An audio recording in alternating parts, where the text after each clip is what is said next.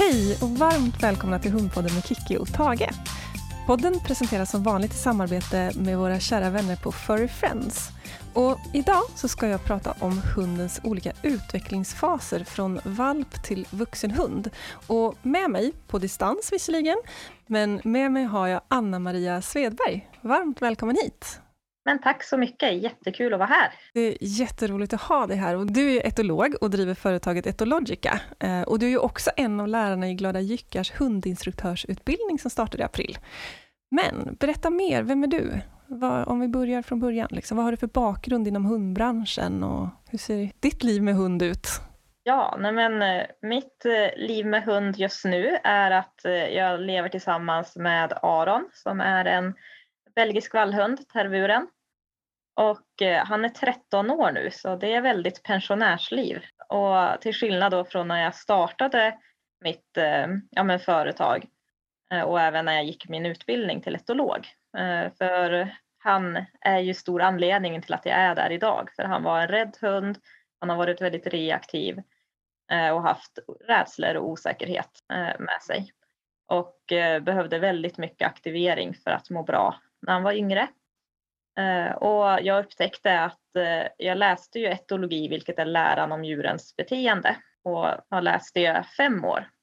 Tre år på etologi och djurskyddsprogrammet och två år på Applied Ethology and Animal Biology på Linköpings universitet. Och eh, när jag studerade mitt andra år, det var då jag skaffade min egna första hund.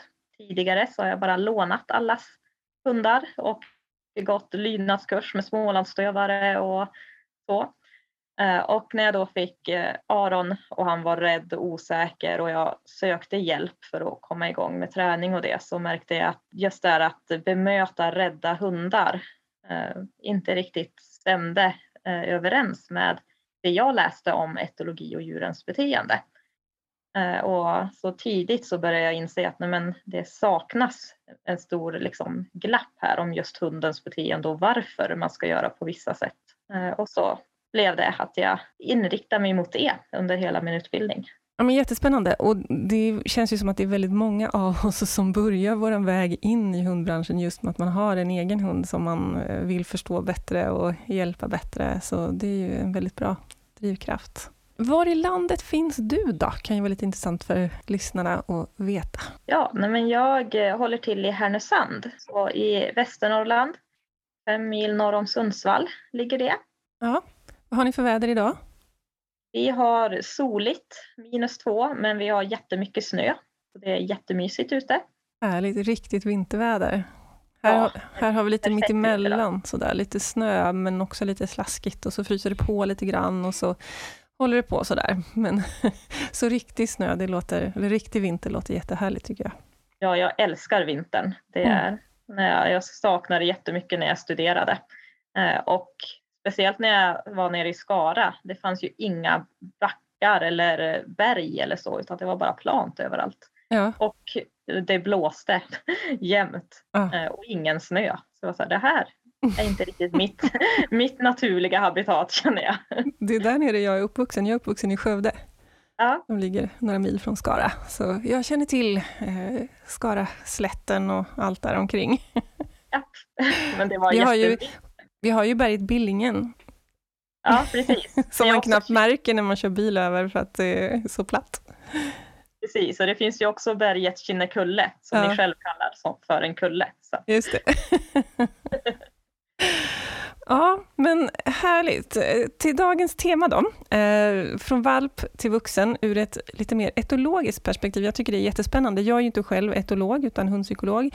Och vi har ju haft några olika avsnitt i podden där vi har pratat om eh, valptiden bland annat och unghundstiden. Men då har det kanske varit lite mer om hur, liksom, ja, men vad kan vi som hundägare förvänta oss eh, i de här situationerna? och Vad kan vi göra för att guida våra hundar på ett så bra sätt som möjligt. Och nu blir det liksom lite nytt perspektiv på det, att plocka in det etologiska perspektivet fullt ut. Så det tycker jag ska bli jättespännande. Och när vi tänker på det här temat, då, vilken ände skulle du vilja börja? Eh, jag vill nog ändå börja från när valpen är jätteliten. Mm. Eh, för att det kan också påverka faktiskt deras beteenden och då menar jag Alltså även när valpen ligger i tikens mage har man sett att det också kan påverka. Mm. Jag tänker att vi kan, vi kan väl börja liksom och ta det steg för steg mm. tills att de är vuxna. Låter jättebra. Så kör på, berätta om valpen när den ligger i tikens mage. ja, men eh, jag tycker det är jättespännande och det här är ju sånt som man som hundägare kanske inte kan påverka själv men som ändå kan vara bra att veta att det här också påverkar. Eh, och just det här att om man då tänker ja men, på ja men vad, vilken uppfödare väljer man eller om hunden kommer med okänd bakgrund och att kanske är född på gatan till och med. Att mm. Eh, det kan ju påverka till exempel hur stresskänslig den är och den, hur rädd den är. Eh, så att om tiken utsätts för mycket stress under dräktigheten så har man sett att det kan påverka ungarnas stresskänslighet, att de blir mer stresskänsliga när de är äldre. Men samtidigt så får det inte vara för lite. En liten stress är bra för, att, för tiken eh, och det får de ju i sin normala vardag. Men det är mm. just det här att ja, men om man flyttar dem för nära in på dräktigheten eller att det är mycket oro runt omkring eh, om det är mycket konkurrens med andra hundar eller sådär. Mm. Eh, och att de blir utsatta för, ja men de kanske blir sjuka och hamnar hos veterinären och tycker inte om att vara hos veterinären och så, att det kan påverka valparna som är i magen. Och eh, nu, det har inte gjorts jättemycket forskning på det här och mycket är gjort på råttor och eh, även lite andra djurslag. Men att man har också sett då om man tänker på tikens beteende mot valparna när de sedan är födda och liksom första veckorna där och eh, där har man ju sett att om tiken spenderar mycket tid med sina valpar eh, så får de valpar som är mindre rädda när de också är äldre. Eh, medan om man har en tik som ja, men, inte är med sina valpar utan kanske lämnar dem mycket ensamma och så, så kan de få valpar som är mer rädda när mm. de är äldre. Så, och också det här hur mycket de slickar på sina valpar tar också påverkar hur ja, men stresskänsliga de är när de blir äldre. Så att eh, där också just ja, men hur, hur tiken har hanterat sina valpar eh, från liksom dag ett när de är väldigt hjälplösa. Att det påverkar mycket hur de sen är i vuxen ålder. Mm. Det där är ju jätteintressant och jag tänker också just i dessa pandemitider när det har varit väldigt högt tryck på, eller vad ska man säga, väldigt stor efterfrågan på valpar och man kanske svårt att få tag på en valp när man väl vill skaffa en, så kanske man tycker att det är lite svårt att ställa krav och vara lite noggrann. Men jag upplever ju också det i mitt jobb som hundpsykolog, att det är väldigt ofta som hundar med problematiska beteenden som vuxna, att de har ofta ganska tidiga dåliga erfarenheter. Och som du säger, det kan börja redan innan de ens är födda och att vi kan spåra tillbaka det dit. Så det är ju verkligen värt att göra den här researchen och åtminstone undvika alla de här smuggelhundarna och valpfabriker och så vidare, där, där man kan vara ganska säker på att hundarna har haft en, en stressande start i livet, tänker jag. Mm, jo men absolut, och att man också ja, men vågar ja, men fråga uppfödaren. För också så här att jag har träffat en del hundar som är, visar sig sen att de inte tycker om barn till exempel och så är de ja, men förvånade för att uppfödaren hade ju barn hemma hos sig. Då är frågan hur interagerade barnen med valparna? Och Just det. Det är ju också skillnad i en valpkull. Att det kan ju vara en valp som är lite rädd och försiktig. Som mm. varit mer tillbakadragen medan de andra valparna har klättrat och tyckt att det varit jätteroligt med barnen. Så har den här rädda försiktiga valpen varit mer i bakgrunden och hållit sig undan. Mm. Eh, och att eh, uppfödaren då kanske inte har lagt märke till det. Och det beror ju också mycket på vad de har för erfarenhet och så av, av att föda upp valpar. Och just det här också att ja, men, valpfabriker, att det är ju ingen bra start varken för mamman eller för valparna eh, och att det kan påverka också. Och som sagt om man adopterar hundar så får man nästan räkna med eller förutsätta att de här har nog inte haft en jättebra start i livet och att eh, också vara inställd på att det kan kräva mer jobb även fast man tar en vuxen hund som man tänker men nu är den färdig. Men det är så att det bara raderas allt den har varit med om för att den kommer till en trevlig familj. Nej, exakt. Och där kan man ju också se när man tar en äldre hund som vi kommer komma in sen i, ja men när de är tonåringar och slyngelhundar att då är det inte, det är inte så rolig ålder då heller. Eh, Så då längtar man nog tillbaka till valptiden ändå. Ja, min erfarenhet är lite att det är precis när man börjar njuta av att ha den där valpen. När det börjar, först tycker jag det brukar vara en ganska lugn period om man generaliserar när det gäller valptiden. Och så ganska snabbt så blir de ganska mycket valp om man säger så. Så att det ja. blir liksom valp dygnet runt. Och sen när man väl tycker att nu börjar saker falla på plats, precis att när man hinner tänka det, sen börjar det om igen. Stämmer det med din etologiska syn på saken? ja, Jo men det gör det, för det är ju som sagt olika utvecklingsperioder som de går igenom. Och eh, vi har ju, ja men då liksom första perioden där de både är döva och blinda, de första två veckorna så är de ju döva och blinda. Mm. Eh, men sen så kommer de ju in i övergångsperioden, brukar man kalla det. Det brukar vara från dag ja men 13 till dag 21. Så ungefär vecka, under vecka två och då börjar de ja, bli mer rörliga och kan börja vifta på svansen mm. Eh, i den. Eh, och eh, först öppnas eh, ögonen och sen så börjar de även höra. Och även här, alltså redan i den här ja, men, tredje veckan eh, av sitt liv så börjar man se skillnader mellan raser. Eh, och det tycker jag är ganska spännande. Till exempel så storpudeln är en ras som är ganska sen i sin utveckling.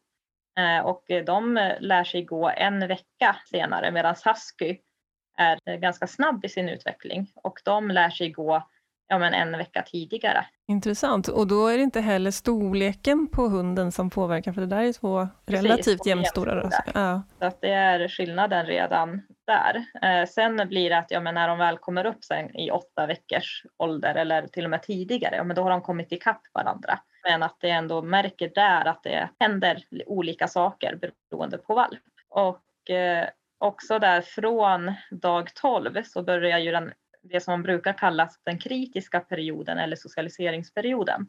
Det är därför det är så viktigt där som jag nämnde tidigare, hur till exempel barnen hos uppfödaren har varit mot valparna. För att där lär de sig att okej, okay, är barn trevliga eller inte? Mm. Eh, det är redan från vecka tre. Och eh, här är det viktigt och den brukar ju sträcka sig, nu är det väldigt olika, förut pratade man om vecka 3 till vecka 12, mm. alltså vecka 3 till månad 3. Men nu så har man sagt att nej, den där socialiseringsfasen är nog öppen ända till vecka 15-16. Mm, vad skönt, fyra månader.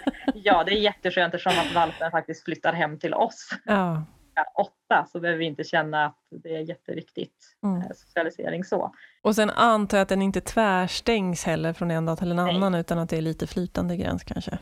Ja, absolut eh, att den eh, fortfarande, men att det är just under den där perioden som det är jätteviktigt, eller där det mycket lättare kan bli att blir de skrämda för någonting så är det det som sätter sig resten mm. av deras liv.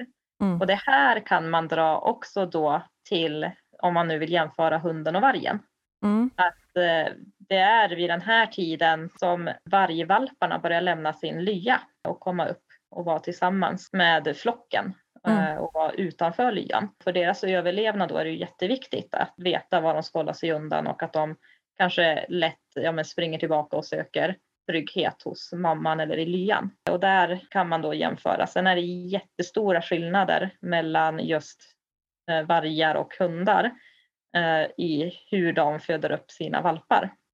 Ja, för det var jag lite nyfiken på, men det kanske vi kan ta lite som en separat punkt sen. Hur, hur mycket paralleller kan vi dra från vargen? Eh, hur mycket likheter finns det och vilka skillnader finns det när det gäller deras utveckling och beteende? Ja, men, du kan välja om du vill svara på det nu eller om du vill komma tillbaka till det Vi kan ta det senare när de mm. kommer in i spökåldern där, för där mm. brukar det kunna vara mer. Men bara till exempel en skillnad nu.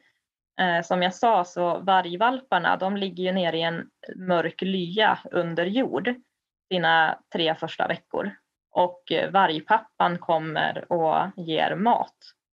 Eh, både till mamman och till valparna. Så där hjälps ju, eh, ju inte tiken ensam med sina valpar. Eh, om man sen jämför med vilda hundar, eh, gatuhundar eller liksom som lever utan människor. Där är eh, tiken helt ensam med sina valpar. Och eh, där har man sett också när man har jämfört vargvalpar och hundvalpar så blir hundvalparna lite lättare att visa resursförsvar. Och det beror nog på att det blir lite mer konkurrens om maten och så eftersom att det bara är en som tar mm. hand om. Så, så där kan man också se, redan där se skillnader. Mm. Men också att eh, under den här socialiseringsperioden då, att eh, man, de får träffa olika människor, olika hundar.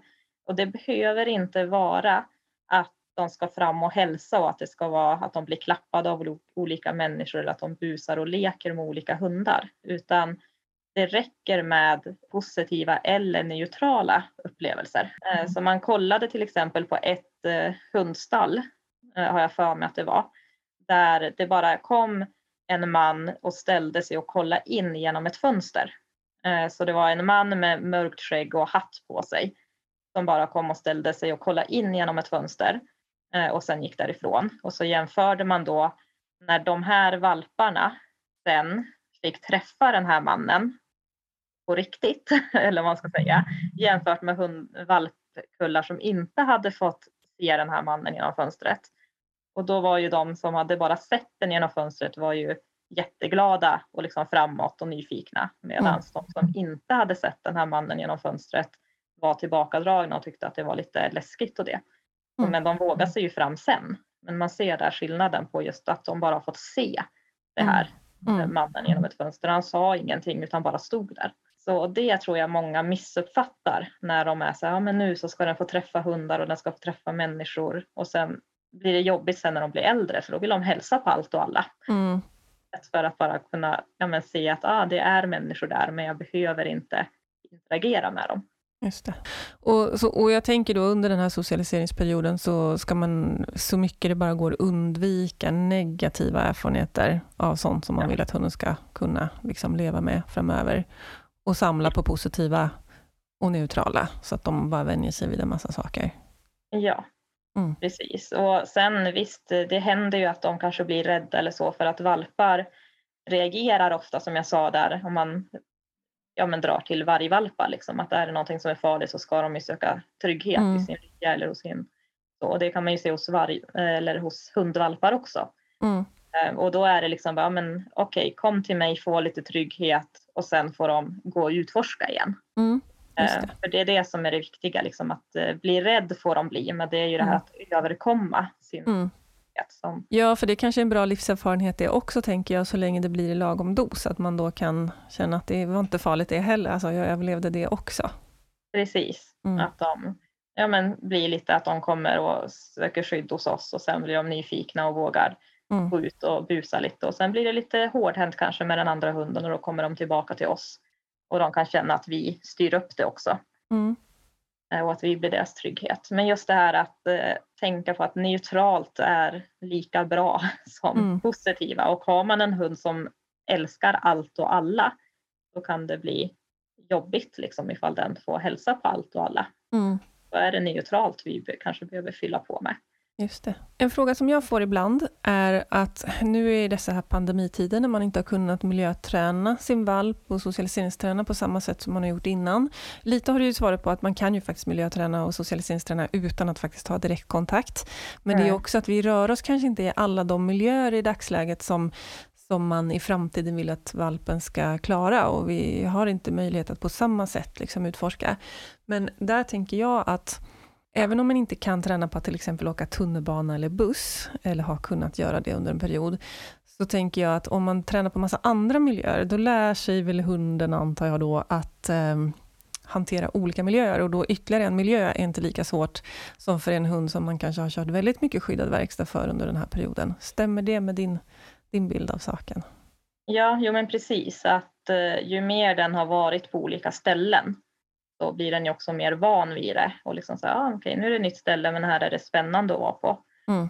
Eh, och att eh, även om vi inte då har gjort exakt att vi har åkt tåg eller tunnelbana eller buss så kan det också hjälpa hunden med det övriga vi har gjort. För där är det mm. också eh, det handlar ju också som i valplådan att de får berikning så från vecka fem, slutet av vecka fem till vecka sex att eh, där kan det vara att ja, men man lägger in ljud, saker som låter, de får gå på lite ostabila underlag. Eh, det är saker som rör sig, de får börja bekanta sig med dammsugan kanske. Eh, och sådana saker förbereder de ju också för när de blir äldre. Mm. Och att liksom, om man tänker att det vaccinerar dem lite granna mm. mot ljud och metallljud. För många hundar som är ljudkänsliga, där är det ju metall, metalliska ljud mm. som de reagerar på. Om man då har kanske en bakplåt med lite skedar i eller en bakplåt med en kedja i som de går runt och kan busa med så vänjer de ju sig vid det ljudet. Mm. Eh, och att det inte är någon fara. Um, så, så att, och det där är ju, precis som du var inne på i början där, att det här är sånt som vi själva inte styr över, utan det är ju medan de fortfarande är kvar hos uppfödaren som det här börjar. Så där, det är ju som du säger, att det är ju intressant att kunna ha dialog med sin uppfödare tidigt och höra hur mycket av det här som de väver in i, i valparnas situation och så, tänker jag. Ja, men absolut. Jag eh, har faktiskt eh, äran att få följa en valpkull nu Just en Bernesennen-kull. Eh, och nu, så den här veckan så är de, jag var lite sjuk förra veckan så jag missade tyvärr då. Men den här veckan så ska jag träffa och då ska jag ta med lite berikningssaker. De har redan fått saker naturligtvis hos uppfödaren också. Men jag tycker det ska bli jättekul att just där och se då, för jag vet att det är en valp som är lite mer försiktiga än de andra. Mm. Men att man då ja, men kollar så att den också tycker att det är trevligt. Mm. För det är, jag vet det finns något klipp på Youtube tror jag det var eh, som var med ett gäng valpar där de eh, hade in en stor pilatesboll i valphagen. Mm. Och att det var så, ja men det här är jättebra för nu får man vänja sig vid det här. Och så var det en stackars valp som bara satt och tryckte borta i hörnet och tyckte att det där var jätteläskigt. Medan de andra sprang runt och tyckte att det var jättekul. Mm. Och ju så, roligare var... de tycker det, desto läskigare blir det för den stackaren då som inte riktigt ja, var med på banan. Precis. Mm. Eh, och man ser det liksom i klippet att den ja, sitter och försöker eh, utforska och sen blir den skrämd och flyr igen och liksom så. Då, det jag tycker är så viktigt att tänka på att man måste kolla till alla individer. Mm. Eh, så att det kan ju vara då att någon har faktiskt tyckt att det har varit läskigt eh, mm. och att det kan sätta spår då när den blir äldre också så att man kollar att det är bra så att hunden inte eh, kryper ihop eller tar avstånd eller liksom så visar, visar rädsla. Mm. Och om den gör det, att man hjälper dem att då, ja men man kanske tar ut den och har den kanske med bara tiken så den får gå runt och känna eller liksom se till att miljön blir tryggare för den valpen. Mm. Så att den får vänja sig vid det. Mm. Det som jag vill säga det är just det att även om de träffar mycket människor liksom i familjen så är det ju det här med okända människor som brukar vara det jobbiga när de blir äldre sen. Mm. Eh, så att även om man, men den tycker om alla människor för att, ja men det är för att den har ju träffat den sedan den var liten valp. Mm. Men att lära känna nya människor. Mm. Eh, till exempel när man går, då går till veterinären, en helt okänd människa som ska hålla fast och klämma och känna på en. Mm. Eh, eller eh, om man är på utställning eller och om det då, jag tänker också att om veterinären till exempel, den här 12 veckors vaccinationen, om det är ja. valpens första erfarenhet av en främmande människa utanför familjen, då är det risk att det också blir en negativ erfarenhet som kanske sätter spår för andra framtida främmande äh, människor. Ja, och framför allt andra veterinärbesök mm. också. Mm. Eh, så där, och just därför om man då tänker om en åtta veckors sprutan, då var den ju tillsammans med alla sina valp mm. eller kullsyskon. Just det. Eh, och det blir en annan sak. Nu ska den liksom stå helt på egna tassar. Mm. Um, så. Och eh, just det här, nu har vi kommit bort, eller ja, det har stannat ganska länge vid eh, socialiseringsperioden. Mm. och som sagt, där om man nu säger att den sträcker sig ja, men från vecka 3 och till vecka 15-16. Mm. det som händer vecka 16 eh, någonstans, det är att de börjar tappa sina tänder. Och det är mm. då man tänker första tiden, det brukar vara mm. ganska lugnt när de är hemma hos en. Eh, och sen blir de en piraya och ska bita i allt. Mm, mm. eh, och det har ju med tandbytet att göra. Just det. Ehm, och också det här att de blir mer, eh, ja men ännu mer utåtriktade då. Att först har det varit mer så här, men de har varit mammiga och kanske hållit sig i närheten och nu börjar de bli lite ny, mer nyfiken på världen. Mm. Och eh, de har ju inga händer att undersöka, undersöka saker med. De undersöker ju med munnen och sina tänder och sen när de dessutom då börjar tappa tänderna så blir de ännu mer bitiga för att det helt enkelt kliar i munnen eh, och där är det många också som blir så här, men att de hänger i benen eller att de är jobbiga. Mm. Eh, det vet jag att ni har pratat om i tidigare poddavsnitt. Liksom. Mm. Men att det har ju att göra med att de faktiskt tappar tänderna och att de är mer utriktade. Och eh, också det här att hur, hur skulle de ha busat med andra hundar? För oftast är det ju det att eh, de vill ju busa och leka. Mm. Och då gör de det med tänderna. Och det är helt naturligt för dem att leka på det sättet. Det är inte alls att de är galna eller överdrivet på något sätt. Och sen är det inte ett önskvärt beteende från oss. Nej. Men det är där vi att avleda och lära dem hur vi busar med dem. Ja, exakt. Och det är ju en fas som går över också, tack och lov. med just den här tandömsningen. Liksom, och då blir det ju lugnare igen. Ja. Hur länge håller det på då? När, när är tandbytet klart? Liksom? Det är jätteolika på olika hundar tycker jag. Men att det brukar väl vara en eller två månader Mm då eh, som de har fått. Och sen ibland så kan det ju bli att mjölktänderna, att de har dubbla tänder ett tag och så. Eh, och där är det också väldigt olika ifall ja, vad veterinärer säger om man ska dra ut tänderna eller om de ska vara kvar. Eh, och det som är också om man tänker just så här avel, det är ju att vi har ju påverkat eftersom vi har förändrat huvudformen på hundarna. Mm. Eh, Men de har fortfarande lika mycket tänder som ska få plats i sin mun.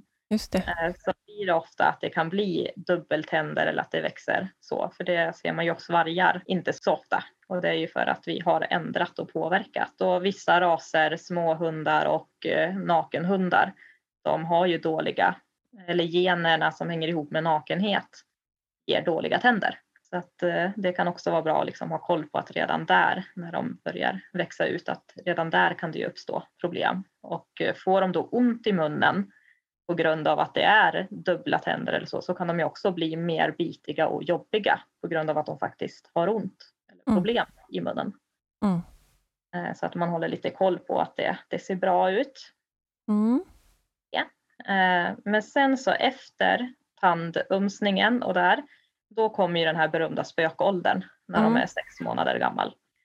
Eh, Och här tycker jag att det är ganska, alltså att man kan jämföra det ganska bra med vargar ändå. För att vid sex månader, det är då vargarna börjar, vargvalparna börjar umgås mer med övriga flocken. Eh, Att de kanske till och med börjar följa med lite på jakt eh, och inte bara stanna hemma vid hemområdet. Och om de då stöter på något där ute i skogen, då är det ganska dumt att bara springa fram och säga tjena till det. Mhm. Ja. Eh, För det, är, det är inte så bra för en valp. Att antingen så kan de bli ihjälsparkade av en älg Ja. eller om de stöter på en björn eller om det är en annan vargflock så blir de ju ihjälbitna. Just det. För vargar har ju det på sina revir att det blir ofta väldigt eh, hårda strider om det kommer in en annan flockmedlem i fel revir. Mm. Eh, och det är därför som spökåldern, att valparna blir så här helt plötsligt så är den där soptunnan ett stort monster. Jag har Mm. gått förbi den jämt men nu är den jätteläskig. Eller att eh, ja, det dyker upp en tant och går med rullator och att det måste man skälla ut och backa undan det. från. Ja. Eh, Och det är just därför att rent biologiskt är det överlevnadsmässigt så är det inte så bra för överlevnaden att springa fram till okända saker. Eh, Och också att tidigare eh, så har de ja, men varit mer eh, mot sökt trygghet liksom från mamma eller från oss. Men nu är de mer att de ska bli självständiga och utforska världen Mm. och stå på egna tassar. Och då, då blir de också att de lägger märke till saker som de inte har gjort förut. I deras värld så har de inte tänkt på att det står en soptunna där eller de har inte tänkt på att det kan komma gummor med rullatorer för att de har varit så fokuserade på annat. Eh, Men i den här tiden då börjar de bli utåtriktade och könshormonerna gör ju också att de börjar bli mer intresserade av dofter och av andra hundar på ett sätt som de inte har varit tidigare. Spökåldern den är ungefär från sex månader till åtta månader Mm. Eh, eller nio månader. Det beror lite på. Den kan börja även om du har små hundraser så kommer de ju lite in i den där första könsmognaden kanske redan vid fem månaders ålder. Eh, och då är det mer att de blir lite rädda och eh, eh, rädda reagerar på saker. Slyngelåldern det brukar komma lite senare när de är nu i början då är det mer den fysiska könsmognaden som sätter in. Eh, så det kan vara att de börjar lyfta på benet tidigt, men det behöver inte betyda att det är för att de är mentalt könsmogna, utan bara att eh, rent genetiskt och eh, så är det något som triggar det beteendet. Och sen den slyngelåldern, den kan vara från kanske ett år eller 18 månader, då är den på sin peak ofta, mm. eller börjar där och sen till två, två och ett halvt, tre år kanske. Mm. Beroende mm. på, vissa hundar är inne i den här fasen jättelänge. Mm. Eh, och där är det just där att det är så mycket hormoner i kroppen, de växer, de ska bygga, lägga på sig muskler, de ska hitta, ja men så här, lära sig att interagera med andra hundar och då gäller det inte bara bus och lek utan också just ja, men kanske parningsbeteenden eller att eh, kunna, ja men oj då, du är en hane med mycket testosteron eller oj, här är det en tik som löper och veta hur de ska förhålla sig och reagera på det.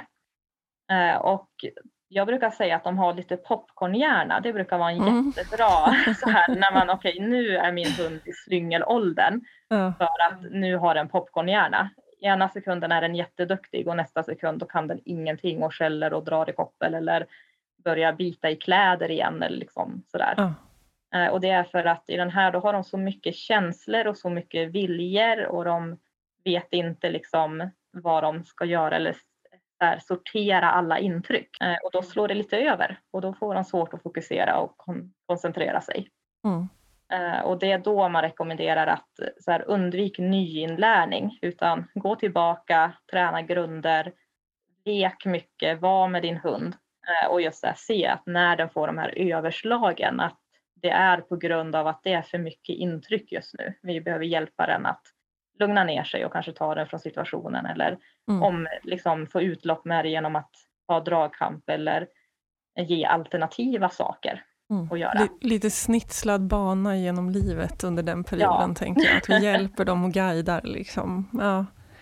Jättebra att man ja, men, inte isolerar dem, för då kommer det bara bli ännu värre. Men att vi hjälper dem eh, så gott det går. Jag hade en start, en unghundskurs som började igår. Och jag brukar alltid vara jättenoga med att säga det, liksom, att nu är det första träffen på kursen och att era hundar kommer inte alls vara som ni kanske är vana. Eh, mm. För att de kommer skälla, de kommer dra i kopplet och de kommer tycka att det är jättespännande att vara på kurs. Eh, och jag brukar ändå starta, för att få en så lugn start som möjligt på mina kurser och speciellt ungdomskurserna så tar jag ut hundarna en och en ur bilen och så får vi, börjar vi med en promenad. Och eh, så här, första fem minuterna så är att då hör man att det är hundar som skäller och hoppar runt och drar i kopplet och sådär. Eh, men sen på slutet av promenaden då har de liksom känt igen att okej, okay, men den, de här hundarna är med oss och vi går här och sen brukar jag börja med lite skvallerträning. Sen sa jag det alltid liksom att ni behöver inte skämmas för er unghund. Nej. Den är unghund, den kommer skälla, den kommer göra så här och det betyder inte att den är arg eller på något sätt utan det är frustration ja. oftast kommer och eh, det kan vara svårt att undvika att den inte blir frustrerad för att den har så mycket viljor just nu. Mm. Men om vi bara hjälper den att eh, rikta om sig det och liksom vad den ska göra så kommer det bli lugnare. Och sen kunde vi faktiskt ha alla fem unghundar inne i min lokal sen och ha lite passivitetsträning. Mm. Med att de får ligga och tugga ben och dricka vatten och ha ja, men liksom så, eh, olika, bara hjälp. Hur, bara ta det lugnt, ligg här och chilla lite grann utan att vi kräver att de ska ligga ner. Mm. Utan bara genom att vi ser till att miljön och att vi också har siktbarriärer så att de inte ser varandra så bra eh, och kan bli distraherade så. För det är just i den här åldern, slyngeråldern och speciellt vid om man tänker då 18 månader, att eh, där hittar du dem på Blocket, väldigt många ja. Jag upplever också att det är den perioden, eh, någonstans strax efter ettårsåldern och upp till ett och ett halvt drygt, eh, som flest söker hjälp och tar privatlektioner. Och kanske ja. särskilt om man har lite större hund, för att de blir också, de är ju väldigt färdig, alltså de är inte färdigväxta, men de är stora och starka i den här åldern, eh, mm. men inte riktigt med i skallen hela tiden. Så mm. det kan vara en tuff period att hantera som hundägare. Ja. Och de, och blir alltså, de är väldigt impulsiva unghundarna mm. i den här åldern. Att eh, de reagerar snabbt och starkt på mm. saker och ting. Eh, och det kan bli liksom så här, ja, men kraftiga ryck i koppel eller sådana saker och då gäller det att vi lär dem lite att, ja, men, att sortera och träna lite impulskontroll fast på trevliga sätt. Mm. Eh, och mycket egentligen följsamhet och belöna kontakt och liksom där allt lilla, även om det bara är att de sätter sig ner, att vi faktiskt förstärker det beteendet. För det är just då som de söker hjälp eh, och det tyder ju också på att hundarna är lite jobbigare i den mm fasen. Nej, men jag vet inte hur mycket du som etolog tycker att man kan dra paralleller till oss eh, människor, men jag själv som har två söner som nu är 19 och 21 år, ja. jag tycker att jag känner igen den här fasen ja. hos mina söner. Att det var, särskilt den ena sonen, där var det verkligen en period där det var väldigt mycket impulsivt och eh, helt fantastiskt eh, pratbar och resonabel ena dagen och nästa dag så når man inte fram. Och, eh, så det är ju liksom, jag tänker att det är en utveckling utvecklingsfas som kanske finns hos många djurarter, inte bara hundar. Ja, jo, men det tror jag. Hästar vet jag också kan ju bli väldigt liksom, i köns, eh, könsmognaden. Och sen eh, det som också, om vi då ska jämföra vargen och hunden igen, det är ju det vi har gjort med våra hundar. Det är ju att de eh, ska, vara, de ska reproducera sig snabbare. Vargar löper en gång per år, om ens det. Eh, medan vår, våra tikar löper två gånger per år. Eh, och eh, de blir väldigt påverkade av sina hormoner på mm. olika sätt. Eh, dels så kan man ha så här innan löpet så kan de bli kanske lite mer griniga mot andra hundar och vill ha avstånd och börjar bli, de kan bli lite mer griniga och vaktiga med resurser och sådär också. Och sen när de är i höglöpet så kan de vara att de bara vill mysa jättemycket och att de letar efter andra hundar och sådär mm. om man mm. tänker på tikarna nu. Eh, mm. Är jag menar. Och sen så brukar, är det många som inte tänker på att ja, men efter höglöpet, 63 dagar ungefär, är den tikdräktig. Eh, och det är då skendräktigheten slår in. Och då kan de också bli väldigt förändrade i sitt beteende. Att de drar sig undan, de letar en lya, de eh, blir ännu mer griniga, liksom, kanske mot andra tikar eller så. Eh, och en del tar ju också ja, men, leksaker eller sockar eller någonting som är deras valp. Och är det så att alla tikar blir skendräktiga, eh, men att det tar sig olika uttryck, eller är det bara vissa som blir det? Jättebra fråga. Jag tror att det är jättestor individuell skillnad. Alla tikar har ju förändringar i hormon, liksom om man kollar på hormoncykeln. Mm. Sen är det frågan hur känsliga de är för sina hormoner. Mm. Jag själv lever med PMDS och är mm. jättekänslig mm. i mina eh, perioder. Eh, och jag är den som mer ja, men blir deprimerad eller får ångest mm. istället, liksom en vecka varje månad. Och jag tänker att eh, det är jättejobbigt och sen har jag kompisar som inte mm. alls känner av det överhuvudtaget. Och jag tror att det är likadant i djurvärlden.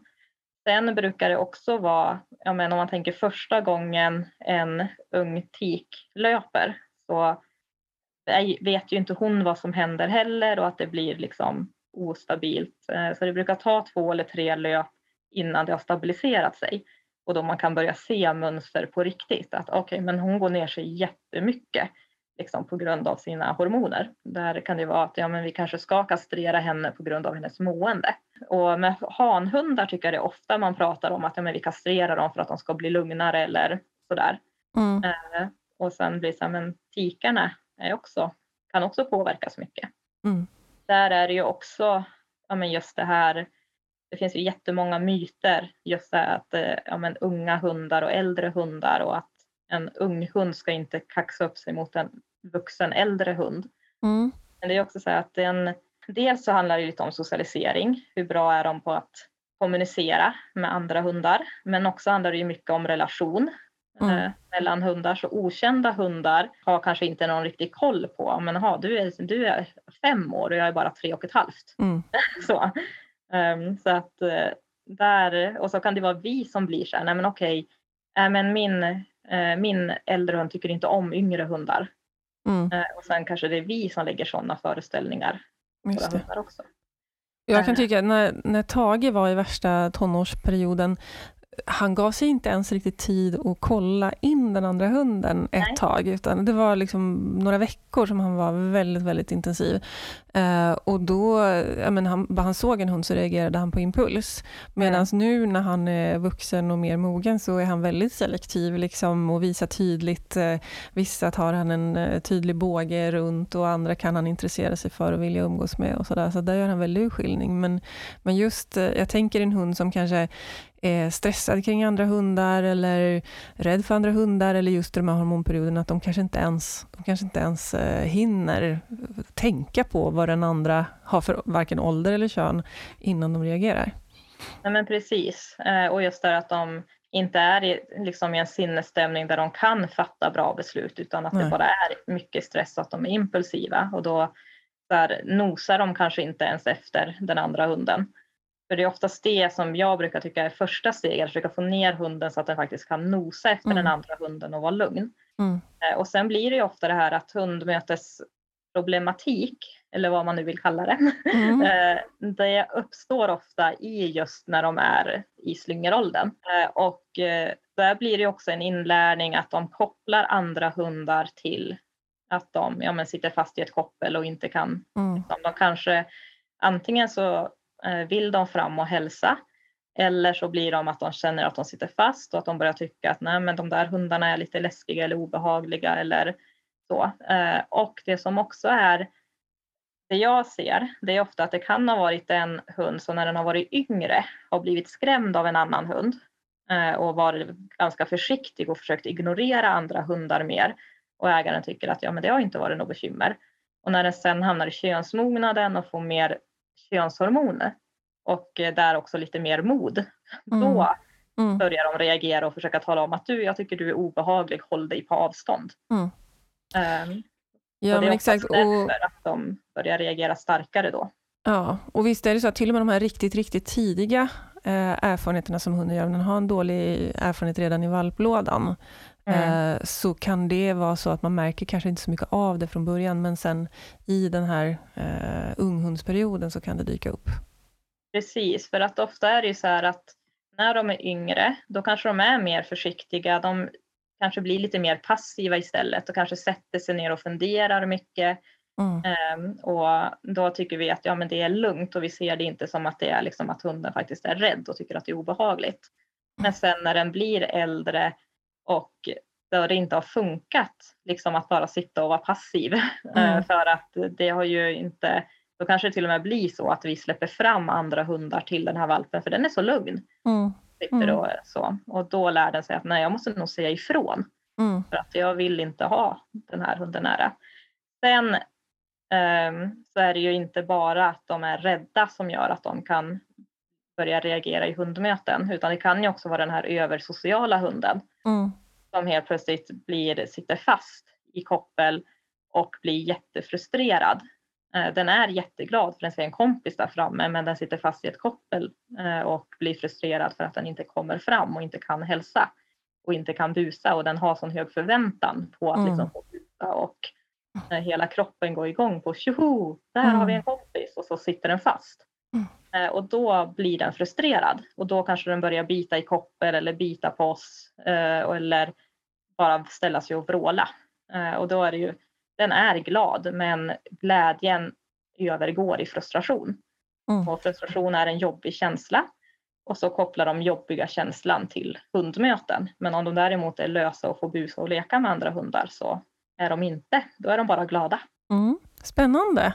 Ja, nej men, eh, jag tycker det är jättekul eh, faktiskt att följa och liksom, så här, kunna se mönster i hundarna utvecklas. Och nu märker jag att jag har jättemånga, så nu har jag haft fyra unghundskurser på rad som alla blir fulla. Och det är så vanligt är inte. Eh, så nu har jag den som börjar i april, är också fullbokad. Ja. Så att, och jag har ju ja, max fem hundar på mina ungdomskurser för att eh, det jag vill att de ska kunna få det så bra som möjligt. Och att jag fokuserar mycket på att det i första hand är miljöträning och socialisering. Mm ha fokus på. Och sen är det bara ett plus ifall hunden också kan lära sig att göra lite tricks som att gå fint i koppel eller eh, skvallerträna ligga och ta det lite lugnt. Just det. Och med socialisering, då menar du att vistas runt andra hundar utan att eh, liksom gå upp i stress? Och... Ja, precis. Ja, mm. Utan att det är andra hundar i närheten, men du behöver inte fram och hälsa på dem. Nej, eh, Sen brukar jag försöka så gott det går att påpeka allt som hundarna gör medvetet och kommunicera med varandra men på avstånd. Så vi hade till exempel mm. en hund igår som ställde sig och nosade när vi körde skvallerträning och så var det en hund som skulle gå förbi honom. Mm. Och den här hunden ställde sig och bara nosade i backen. Eh, och då är det så här, men okej, vänta nu och se vad kommer hunden göra när den har nosat klart. Och när den, då, den andra hunden hade passerat så tar den här hunden direkt och kollar upp på den och sen gör den en båge för att komma in bakom för att kunna gå och nosa. Vad var mm. du för något? Och den här andra hunden drog då mot där den här hunden hade stått och nosat. För att de kommunicerar ju på så, liksom, ah, men här står jag och nosar, det är något spännande. Eh, de kan också börja att de faktiskt ställer sig nosar, eh, tar och lyfter på benet och urinmarkerar, eh, kollar på den andra hunden och liksom så här, du jag kissade här. Mm. Och sen går de iväg och så får den andra hunden komma dit och nosa istället.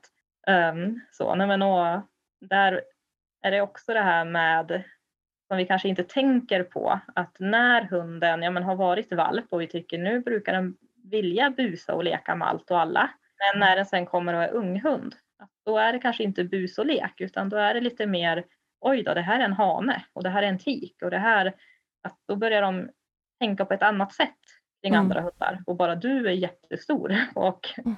har stående öron och du har stående svans. Och det har de kanske inte tänkt på så mycket när de har varit valpar utan då har det bara varit bus och lek. Och eh, det kan ofta då slå över och att ägarna blir förvånade. Över, men gud, min hund brukar ju aldrig bråka eller reagera på det här viset. Och det har med könsmognaden och deras mognad att göra. Spännande. Finns det något mer att tillägga om de här olika utvecklingsfaserna? Eller när blir hunden vuxen? Skulle du säga? Ja, hunden blir vuxen. Eh, och det är lite så här om man pratar mentalt eller fysiskt. För om man tänker fysisk vuxen, det är den ju liksom när den är helt utvecklad med kön och könsmogen. Mm. Men det vet ju du som eh, men, bara kolla på oss människor när vi är tonåringar. Och bara för att vi har fått mens betyder det ju inte att vi är vuxen. Nej. man får mogna. Och eh, jag tycker det är väldigt olika när man känner att hunden faktiskt är vuxen. På Aron, min grånos, han tyckte jag blev vuxen när han kanske var sju, åtta år.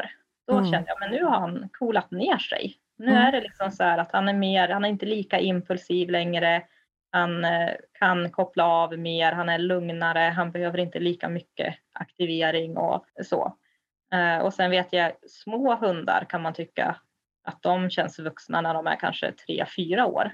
Mm. Så att det är väldigt olika på ja, men just där storleken, just eftersom små hundar blir könsmogna tidigare än stora hundar. Eh, man brukar säga att brukshundar, att de brukar behålla liksom sitt så här, ja, men unghundsbeteende längre, att det tar längre tid för just bruksraserna att bli mogna och vuxna. Mm.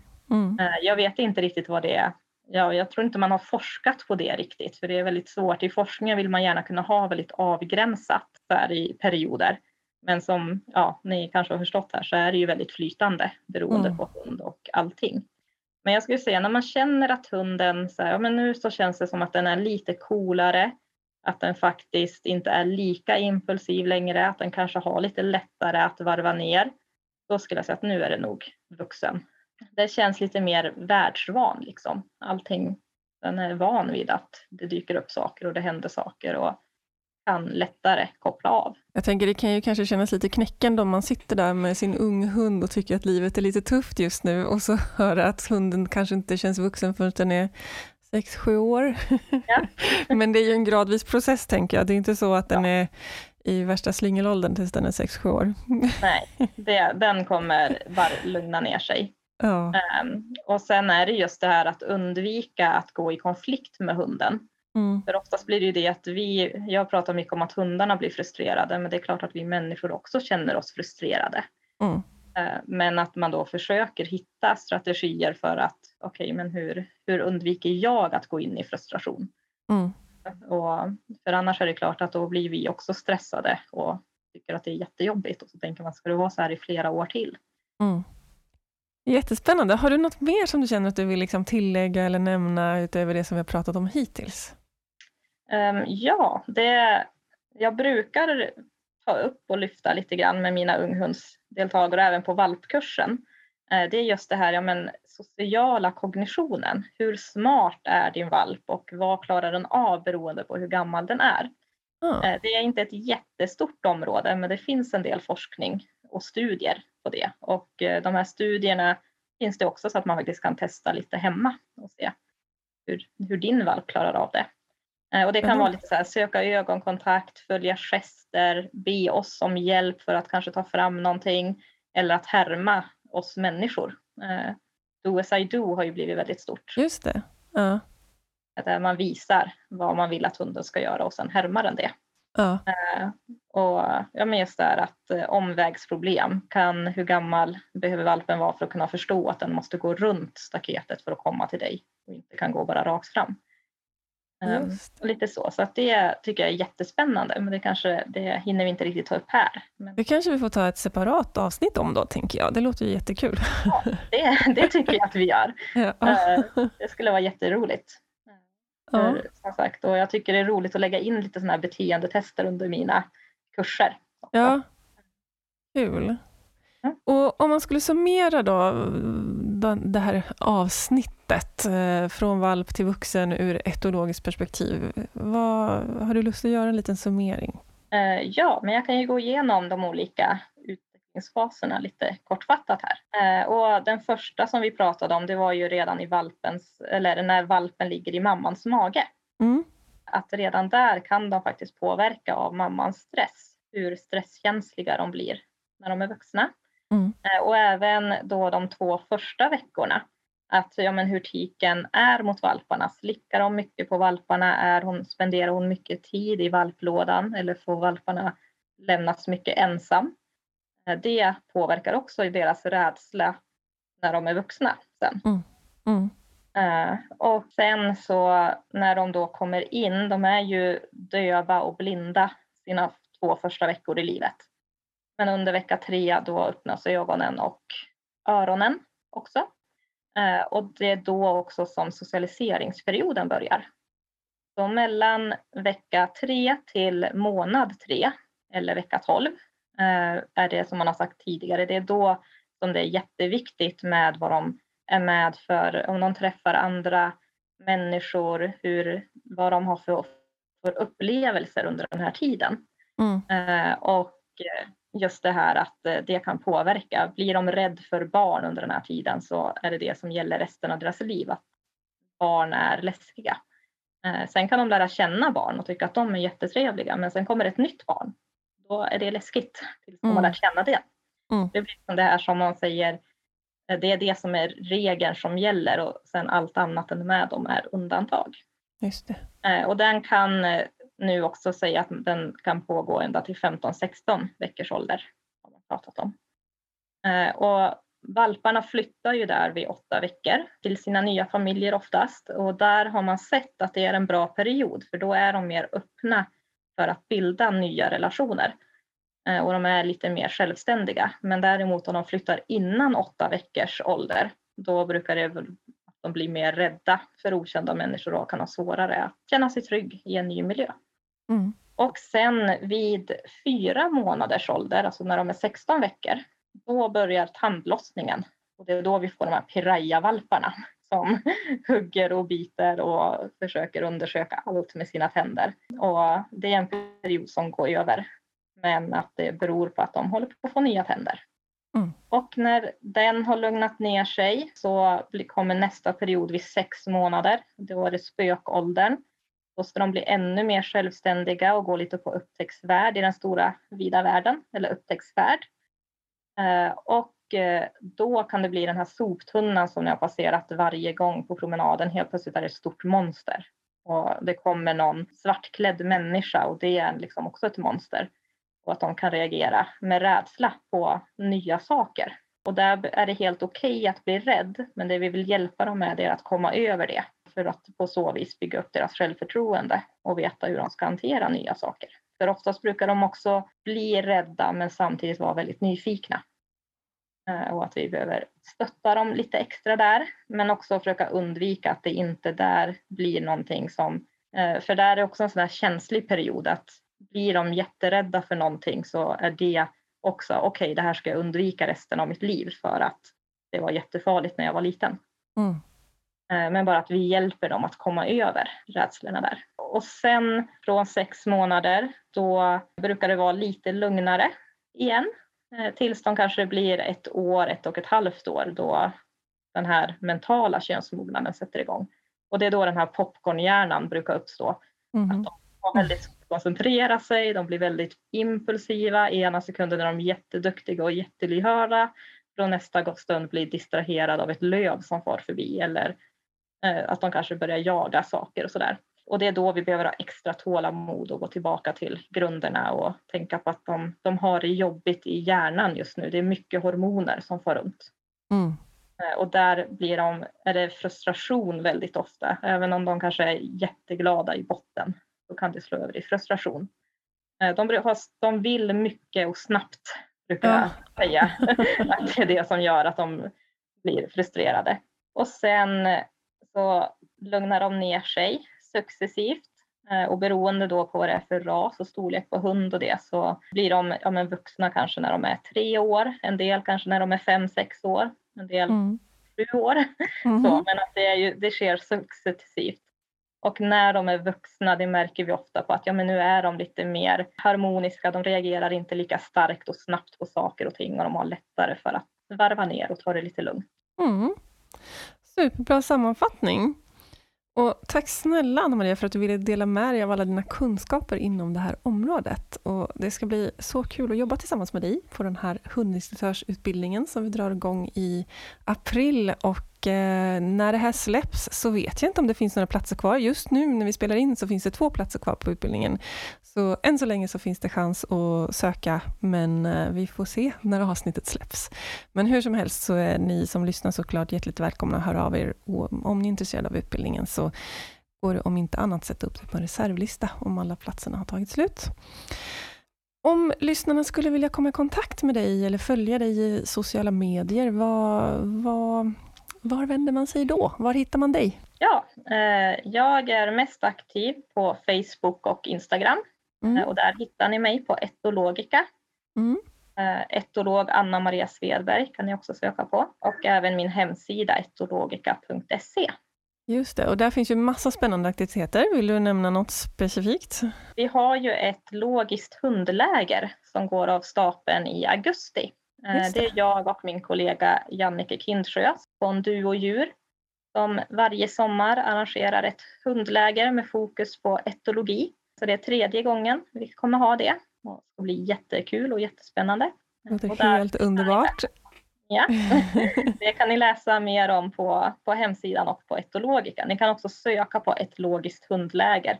Mm. Så dyker upp. Mm. Och ni som lyssnar får självklart jättegärna också gå in och följa min, framförallt Instagram, som är hundpsykologen Kiki. Eh, jag är ju också aktiv på For Friends eh, Instakonto och i deras eh, sociala medier, så där släpper jag massor av blogginlägg och alla möjliga saker, så gå in och följ Furry Friends Family också. De är ju med och sponsrar podden, så då kan vi tacka dem genom att följa deras konto, tycker jag. Ja, och med det sagt så vill jag egentligen bara runda av med att tacka alla er som har lyssnat på dagens avsnitt. Så tusen tack för att du har lyssnat på Hundpodden med Kikki Felstenius och Tage the Beagle och idag även med Anna-Maria Svedberg. Ha en underbar dag!